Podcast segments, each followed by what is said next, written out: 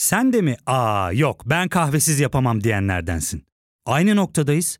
İlk ve tek kahve üyelik uygulaması Frink'le tanış. Hem bütçeni koru hem de hiç bitmeyen kahvenin tadını çıkar. Yakınlarından terapinin onlara ne kadar iyi geldiğini dinlesen de kendin için bir şeylere başlamak zor geliyor olabilir. Ya da sevdiklerine yardım etmeye istekliyken kendi ihtiyaçlarını görebilmek. Hayvel, uzman psikologlarıyla kendi ihtiyaçlarını bulmanda sana destek olacak. Terapi yolculuğuna başlamak için detaylı bilgi bölümün açıklamalarında.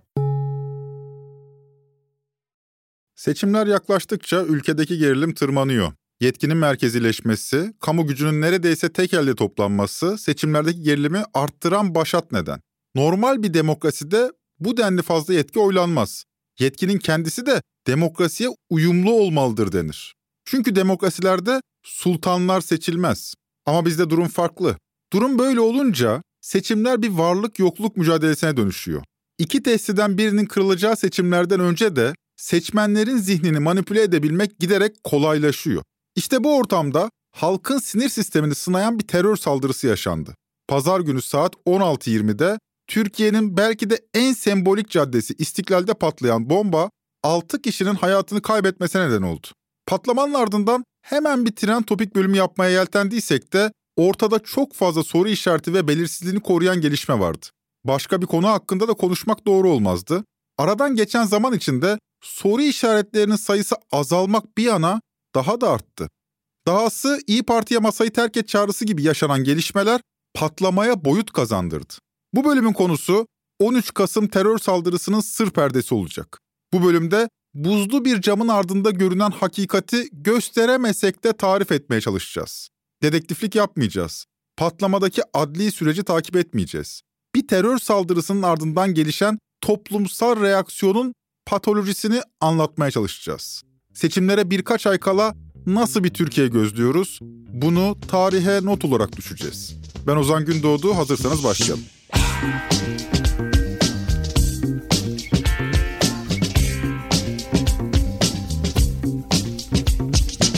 13 Kasım 2022'de yıllardır yokluğuna alıştığımız terör saldırılarından birini yaşadık. Yokluğuna alıştığımız diyorum çünkü 2015 ortasından 2016 sonuna kadar kabus gibi geçen bir buçuk yılın ardından sivillere dönük katliam hedefleyen terör saldırıları bıçak gibi kesilmişti. Geriye söz konusu bir buçuk yılın özellikle de iki seçim arasında geçen beş ayın travması kalmıştı. 7 Haziran'dan 1 Kasım'a kadar geçen fetret dönemi. Bugün anlamlandırabilmek için önce o günleri hatırlamak gerekiyor. Çünkü 13 Kasım'da İstiklal'de patlayan bomba hemen herkesin aklına yine o günleri 7 Haziran'la 1 Kasım arasını hatırlattı. Bugün konuşulanların hemen hepsi 7 Haziran 1 Kasım arasına referans vererek dillendiriliyor. Çünkü Haziran 2015 ile Kasım 2015 arasında sadece 5 ay yoktu. Araştırılmayı bekleyen onlarca terör saldırısı, binleri bulan ölüm ve son derece kanlı biçimde biten çözüm süreci. Duayen gazeteci Altan Öymen 2015 yazına haklı olarak kayıp yaz diyor. Gerçekten de o yaz ülkemiz için cehennem gibiydi. Halbuki Haziran 2015'e saz çalarak girmişti Selahattin Demirtaş. Şu karşı yaylada göç katar katar Bir güzel sevdası serimde tüter Bu ayrılık bize 2010'lu yıllar değil yıllarca, 10 yıllarca hatırlanacak. Tarihçiler bu yıllarda tam olarak ne olduğunu araştıracak. Sosyologlar Türkiye'ye nasıl bir travma yaşatıldığını inceleyecek. Siyaset bilimciler toplumsal travmanın politik sonuçlarını çözümleyecek. Ama hakikat şu, 2010'lu yılların travmasını atlatamazsak eğer asla sağlıklı kararlar veremeyeceğiz. 2010'lu yıllar birkaç kuşağın tüm patolojik özelliklerine iz bırakacak. Ve 2010'lu yılların tam ortasında, 2015'in yazına girerken bir buçuk yıl içinde iç savaşın eşiğine geleceğimiz bir darbe girişimiyle hayatlarımızın alt üst olacağı, devamında ise Erdoğan'ın geniş yetkilerle donatılmış bir başkanlık sistemine geçeceği kimsenin aklına gelmiyordu. Evet, tarihimizin en büyük toplumsal direnişi olan Gezi'yi geride bırakalı iki yıl olmuştu. Daha önce trafik polisiyle muhatap olan milyonlarca insan polis copunun, biber gazının tadına bakmıştı. Bu milyonlarca insanın kendi hükümetine dönük güveninin tümüyle yıkıldığı bir travmaydı.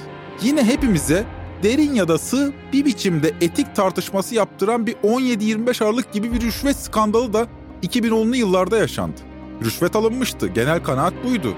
Ama olsundu. Bu skandala da olur dedik. Eğer rüşveti ortaya çıkaran güç gayrimeşruysa rüşveti de olağanlaştırabilirdik. Fakat yine de 2015 yazına girerken kimsenin aklında iç savaş benzeri bir süreç yoktu. Evet gergindik ama çözüm süreci Dolmabahçe mütabakatıyla derinleşmişti. Silahlar susacak gibiydi. En azından niyet bu yöndeydi. Bu davet silahlı mücadelenin yerini demokratik siyasetin almasına yönelik tarihi bir niyet beyanıdır. Haziran 2015 seçimlerine girilirken anketlerde en çok bakılan iki parti AKP ve HDP'nin oylarıydı. HDP'nin barajı aşması durumunda toplam 4 parti meclise girmiş olacak. Bu durumda AKP'nin meclisteki çoğunluk durumu büyük olasılıkla sona erecekti. Tüm kamuoyu araştırmaları da bunu gösteriyordu. HDP barajı geçecekti. AKP'nin hükümet kurabilmesi mucizelere kalmıştı. Türkiye 13 yıllık tek parti iktidarına veda etmeye hazırlanıyordu. Derken ilk travmayı 5 Haziran 2015'te seçimlere 48 saat kala Diyarbakır'da yaşadık. Ambulans Havallo ambulans. Havallo. Müzik yapıp bakın. Müzik yapıp bakın. Ambulans. Ambulans Havallo. Ambulans. Havallo. Birileri bu seçimin yapılmasını istemiyor gibiydi. İktidar yetkililerine göre ise seçime 48 saat kala Diyarbakır'da patlatılan bombanın amacı HDP'yi mağdur göstererek HDP'nin oylarını arttırmaktı. Öyle ya da böyle kim haklı bilmiyorum ama birileri seçimleri manipüle etmek istemişti. Dediğim gibi muhalif kesimlerde AKP iktidarına dönük güven sıfıra inmişti. Erdoğan milyonlarca insanın gözyaşı döktüğü Berkin Elvan'ın annesini o seçim sürecinde yuhalatabilmişti. Milyonlarca insan için Erdoğan halkın bir kısmını sevmeyen, halkın bir kısmından nefret eden bir figüre dönüşmüştü. Annesi diyor ki evladımın katili başbakan diyor. Ben evlada sevgiyi muhabbeti bilirim ama sizin evladınızın mezarına karanfil ve demir bilye atışınızı pek anlamadım. O demir bilyeyi acaba niçin atıyorsun evladının mezarına? Neyin mesajını veriyorsun? Berkin Elvan'ın annesi Gülsüm Elvan böylece binlerce kişi tarafından yuhalandı. Öyle sanıyorum pek çoğumuz için film bu anlarda koptu. Artık geri dönülmez biçimde duygusal anlamda iktidar tabanıyla bir uyumsuzluk oluşmaya başladı. Bir başka ifadeyle araya kan girdi. 7 Haziran gecesi anlaşıldı ki AKP'nin 13 yıldır süren tek başına iktidarı artık bitmişti. Artık kutuplaşan Türkiye bir yolunu bulup uzlaşmak zorundaydı. MHP lideri Devlet Bahçeli daha seçim akşamı koalisyonda yer almayacağını açıkladı. Çözüm süreci varsa biz yokuz dedi. AKP için iki alternatif kalıyordu. Ya HDP ile koalisyon ya da CHP ile koalisyon. Her ikisi de olmazsa yeniden seçim. Çözüm süreci AKP oylarında erimeye neden olmuştu. Hele ki koalisyon, HDP'yi iktidar ortağı yapmak alınacak risk değildi. CHP ile yapılacak bir koalisyon da AKP'nin siyasetini kurduğu CHP karşıtı zemini çürütüyordu. Koalisyon görüşmeleri dostlar alışverişte görsün süreciydi. Erdoğan'ın yeniden seçime gitmek istediği ortadaydı. Öte yandan AKP'nin olmadığı koalisyon seçenekleri daha seçim gecesi konuşulmaya başlamıştı. CHP-MHP koalisyonuna HDP dışarıdan destek verir miydi? Her ihtimal masadaydı. Fakat yeniden seçimde ne değişecekti? 7 Haziran'da kararını veren halk ne olacaktı da 1 Kasım'da kararını değiştirecekti? Bu kararın değişmesi için toplumsal dokumuza zarar veren daha önce sınanmadığımız türden bir krizle karşı karşıya kalmalıydık. Bu esnada 17 Temmuz 2015'te yani seçimden bir ay kadar sonra Dolmabahçe mütabakatını tanımadığını duyurdu Erdoğan. 1 Kasım'a giderken Erdoğan'ın yapacağı değişiklik ortadaydı. Çözüm masasını dağıtmak ve seçime bir de böyle gitmek. Peki nasıl dağılacaktı? Ortada henüz kanlı eylemler yoktu ama Erdoğan'ın niyetinin masayı dağıtmak yönünde olduğu açıktı. Öte yandan Türkiye'nin Suriye sınırında IŞİD giderek güç kazanıyor, bölgede PYD ile kanlı çatışmalara giriyordu. Sosyalist Gençlik Dernekleri Federasyonu üyeleri 19-24 Temmuz arasında IŞİD'in Kobane kuşatması sırasında yıkılan evleri onarmak için bir kampanya düzenlemiş. Bu kapsamda 20 Temmuz'da Urfa'nın Suruç ilçesinde toplanmıştı. Sosyalist gençler öğlen saatlerinde bir canlı bombanın hedefi oldu. Patlamada canlı bomba dahil 34 kişi yaşamını yitirdi. Şiddet sarmalı Suruç katliamıyla başladı ve bu sarmal bir buçuk yıl boyunca artarak devam etti. Sayın seyirciler Türkiye bugün korkunç bir patlamayla sarsıldı. Şanlıurfa'nın Suruç ilçesinden Kobani'ye gitmek isteyen yaklaşık 300 kişilik bir gruba yönelik intihar saldırısı düzenlendi. Saldırıda 30 kişi öldü, 100'e yakın kişi de yaralandı. Öyle ya da böyle 2013'ten beri süren çözüm süreci boyunca Türkiye şehit haberi almamaya alışmıştı. Suruç katliamından sadece iki gün sonra son derece şüpheli bir eylem gerçekleşti. HDP yöneticileri PKK'nın yapmadığını, olayın araştırılması gerektiğini iddia ederken PKK eylemi sahipleniyordu.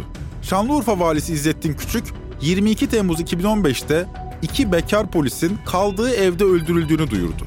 Çözüm süreci artık herkes tarafından anlaşılacak biçimde fiilen bitmişti. Sadece bittiğini duyurmak kalmıştı. Az önce Vali İzzettin Küçük olay yerine hareket etmek üzere makamından çıktığı sırada ayaküstü de olsa çok kısa bir görüşme fırsatı bulduk.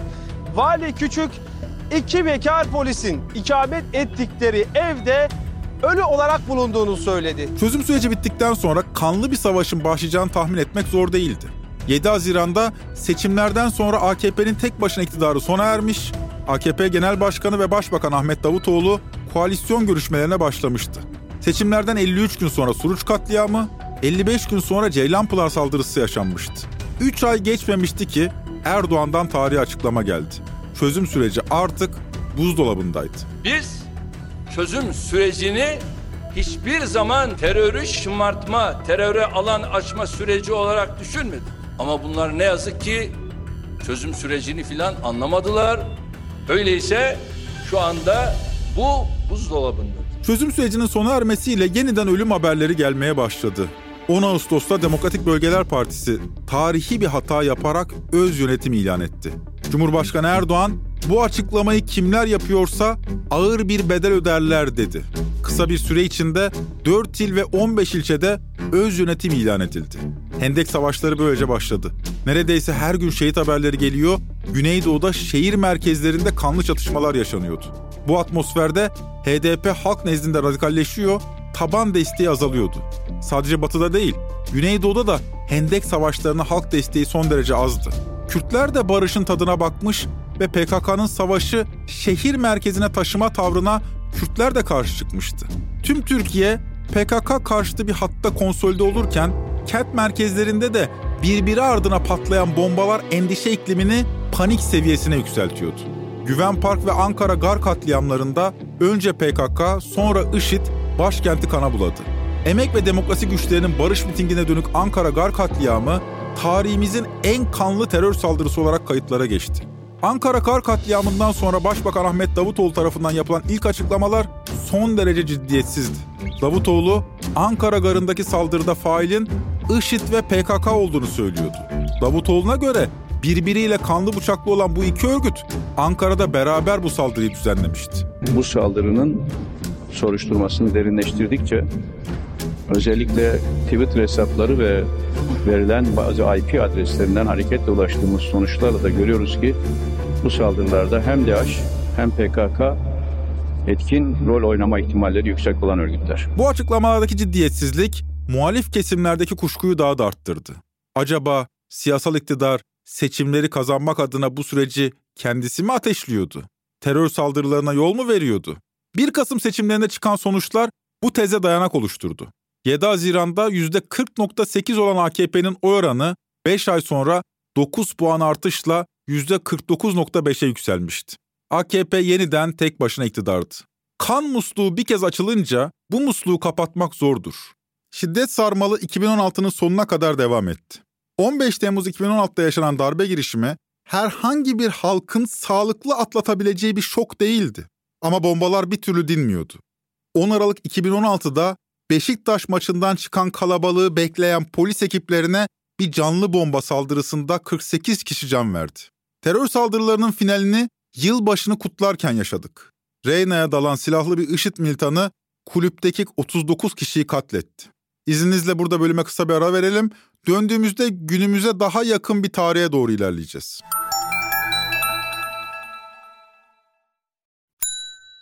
Ya fark ettin mi? Biz en çok kahveye para harcıyoruz. Yok abi, bundan sonra günde bir. Aa, sen Frink kullanmıyor musun? Nasıl yani? Yani kahvenden kısmına gerek yok.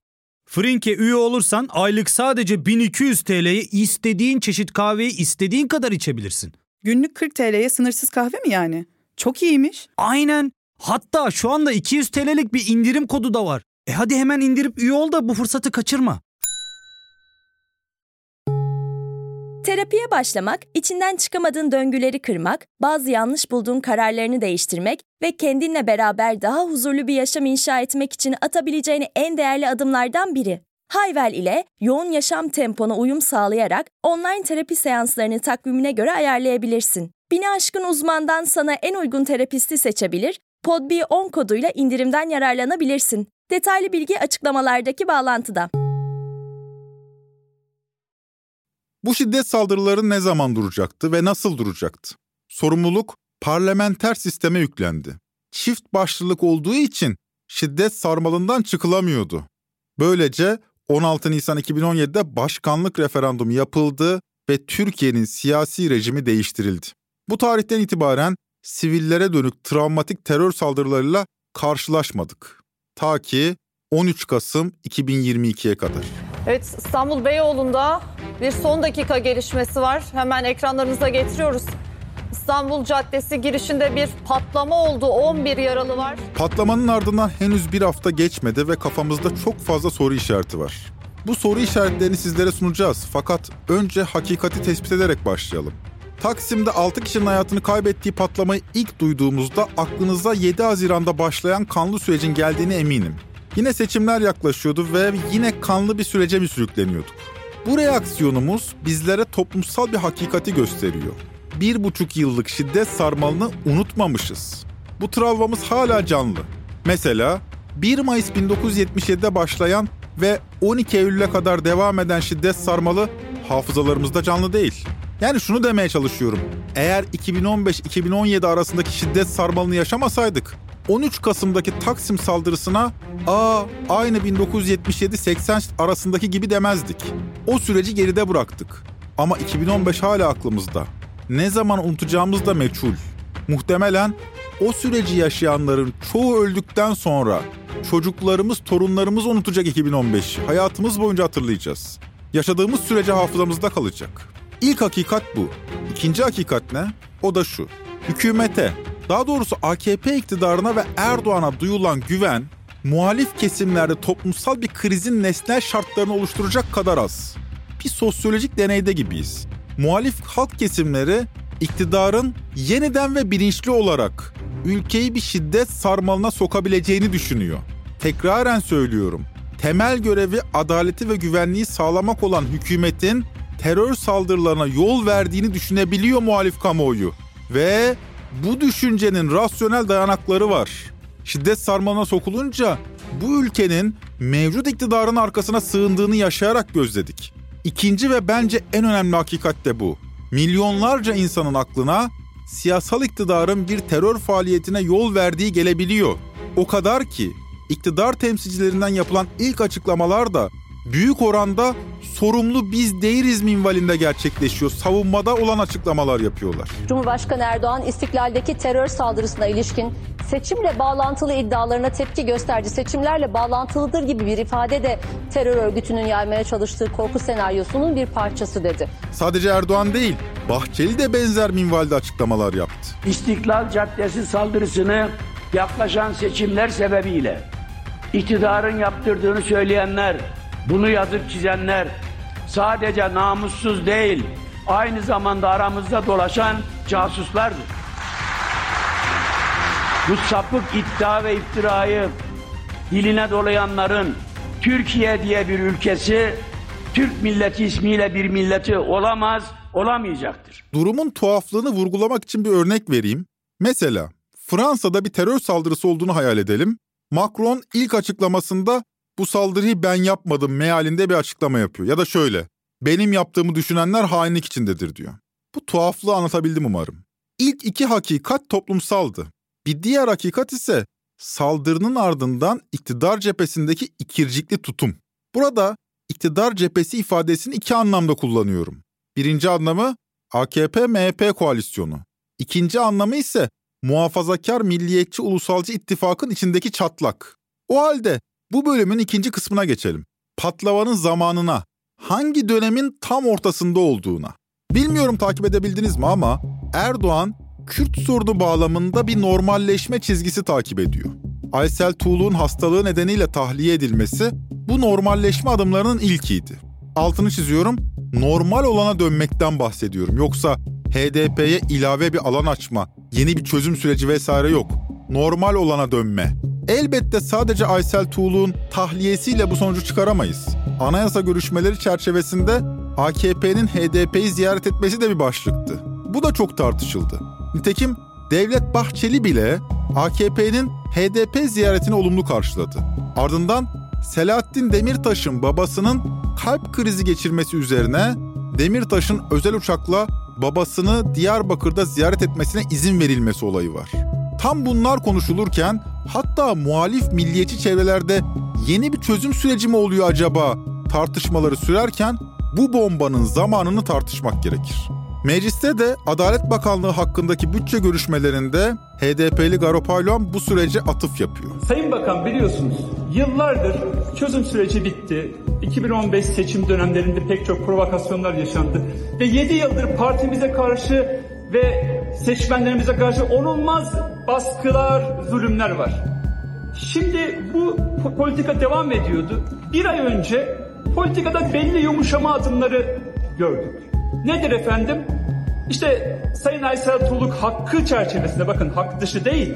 Zaten zihinsel yeteneklerini kaybetmiş durumda olan bir kişinin tutuksuz yargılanması gerekir, serbest bırakılması gerekir. Bu hak teslim edilmiş. Bunun yanında AKP heyeti sizin içinde olduğunuz bir heyet HDP'yi ziyaret etmiş. Siyasette acaba bir yumuşama mı olacak havası oluşmuş. Selahattin Demirtaş yine hakkı çerçevesinde bakın diyorum. Yani hak dışında bir olay yok. Hakkı çerçevesinde babası kalp krizi geçirmiş, ziyaret etmiş. Bu HDP'nin ziyaretini MHP lideri Sayın Sayın Devlet Bahçeli ya olumlu bir adımdır demiş. Ya siyasette de acaba bir normalleşme mi oluyor? Yani normal olan adımlar mı atılıyor? Partilerin birbiriyle konuşması üzerine belli adımlar mı atılıyor diye belli bir izlenim var. Tam bu izlenimden olduğu anda İstiklal Caddesi'nde bir bomba patlatılıyor. Arkadaşlar bakın hepimiz akıllı olmalıyız. Aklımızı önümüze koymalıyız. Elbette duygularımız da var. Hepimiz yaralandık, kırıldık ama şimdi aklımızı önümüze koyma zamanı. Gerçekten de bu alanda AKP'nin son 7 yıllık siyasetinde bir manevra yaşandığını gözlüyoruz. O halde bu manevradan rahatsız olan özneler İstiklal Caddesi'ndeki bombanın olağan şüphelisi haline gelebilir. Bu noktada iki şüpheli var karşımızda. Birincisi PKK. Her ne kadar patlamayı sahiplenmeseler de sivil siyasetle, özellikle Demirtaş'la gerilimli bir ilişkilerin olduğunu biliyoruz. Silahların konuşması sivil siyasetin inisiyatif alanını daraltıyor. İkincisi ise iktidar içi güç mücadeleleri içindeki kirli yapılar devreye girmiş olabilir. Bu kirli yapılar kimdir bilmiyoruz.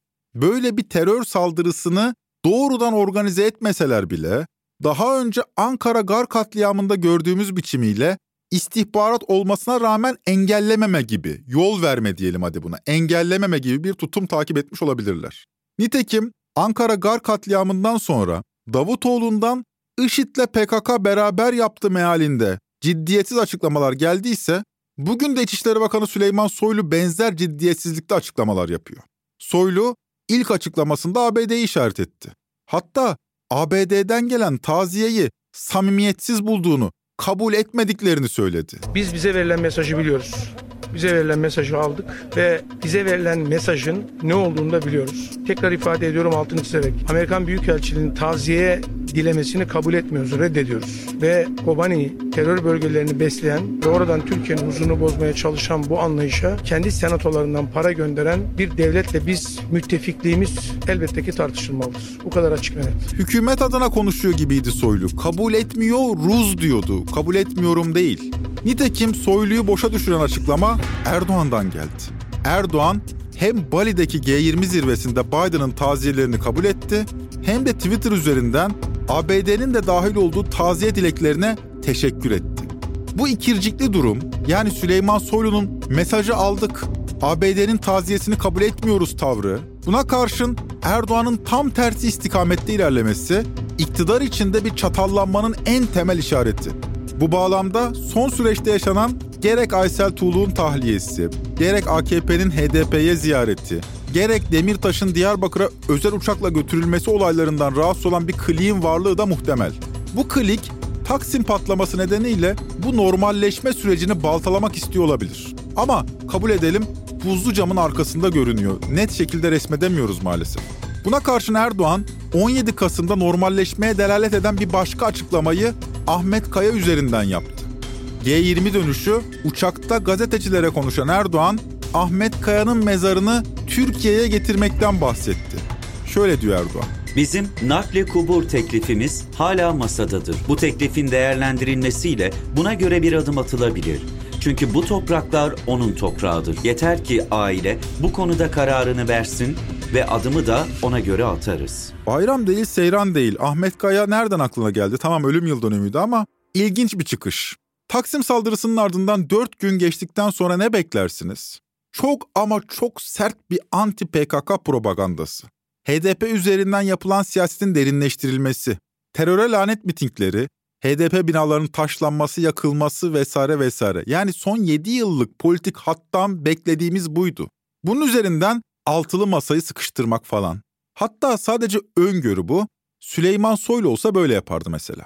Fakat Erdoğan Taksim saldırısının ardından 4 gün sonra Ahmet Kaya'nın mezarını Türkiye'ye getirmekten bahsediyor. Öte yandan milliyetçi partilerde bile saldırının ardından bir anti PKK, anti HDP dilinin yoğunlaştığını göremiyoruz. Millet yutmuyor bunları deyip geçmeyin. Evet o da var da yutturma gibi bir çaba da yok. Yani iktidar cephesinde bu saldırı bağlamında bir kampanya üremiyor. Belli ki kirli bir yapı bir provokasyona girişti fakat son derece acemice kotarıldığı için provokasyon başarıya ulaşmadı. Zafer Partisi lideri Ümit Özdağ'ı ele alalım. Böyle bir saldırının ardından PKK karşıtı dilini yoğunlaştırması beklenirdi.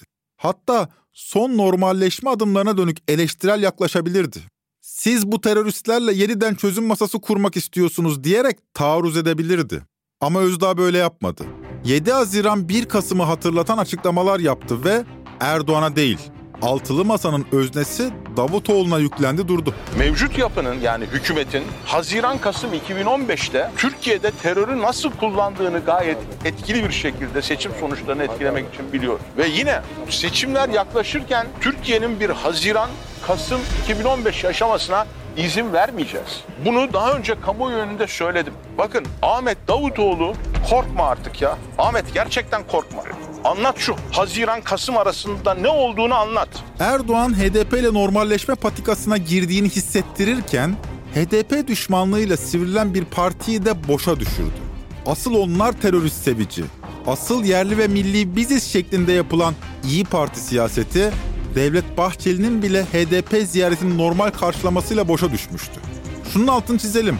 Türkiye'nin müesses nizamı ya da farklı ifadeyle muhafazakar milliyetçi ulusalcı ittifak Türkiye'de yerli ve milli olmanın çerçevesini çizebilme kudretine sahip. Bu ittifakın dışında kalan her parti asıl yerli ve milli olan biziz rekabetine girerse kaybediyor. Son örneği İyi Parti oldu. İyi Parti milliyetçi olduğunu kanıtlama hevesiyle HDP karşıtı dili benimsedikçe altılı masanın huysuz partisine dönüşüyor. Bunun ardından Erdoğan İyi Parti'ye dönük ilginç bir teklif de getirdi. Masadan ayrıl dedi Erdoğan madem sürüden ayrıldın. Madem yerli ve milli olmak istiyorsun gel bu tarafa. Orada olmaz. Burada özellikle muhalefetin içinde CHP'yi bir kenara koyalım. Altılı masanın hepsini söylememe gerek yok ama İyi Parti'nin bunlarla aynı çizgiye düşmesi tabii düşündürücü. Onlar niye bunlarla aynı masaya düşüyor veyahut aynı konuma geliyor? Bu tabii düşündürücüdür. Hele hele böyle bir dönemde. Temenni ederiz ki bunlar da bir dönüşüm yapmak suretiyle gerek bu masayı terk etmek gerekse milli ve yerli bir duruş sergilemek üzere konumunu yeniden gözden geçirir. Bir patlama. 7 Haziran 1 Kasım arası süreçten bambaşka bir dönemde yaşandı. Bize de 3 hakikati resmetti bu patlama. 1. Toplumsal travmalarımız hala canlı. 2. Muhalif kesimlerle iktidar arasındaki ilişki tümüyle kopuk. Muhalif milyonlar iktidardan her türlü kötülüğü bekliyorlar. 3. HDP ile normalleşerek Kürt seçmeni kararsız bırakmaya dönük politika devlet içindeki klikleri görünür kılıyor. Bu klikler kirli provokasyonlara zemin hazırlayabiliyor. Diyelim ve bitirelim. Sert bir süreç bizleri bekliyor. Trend Topi'yi Podbi Medya ile beraber hazırlıyoruz. Bir sonraki bölüme kadar hem asabınızı hem bedeninizi diri tutmanızı dilerim. Hoşçakalın.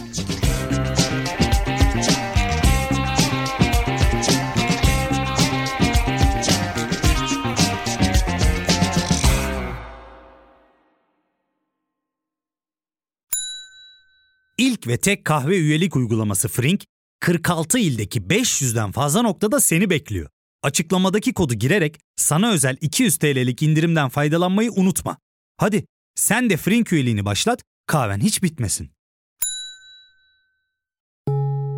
Hem bugününe hem yarınına katacaklarıyla terapi yolculuğuna ve daha iyi hissetmeye bugün Hayvel ile başla. Açıklamadaki linkten Hayvel'i indir, ücretsiz tanışma görüşmelerinin ardından bütçene uygun seans paketini seç ve terapi yolculuğuna başla.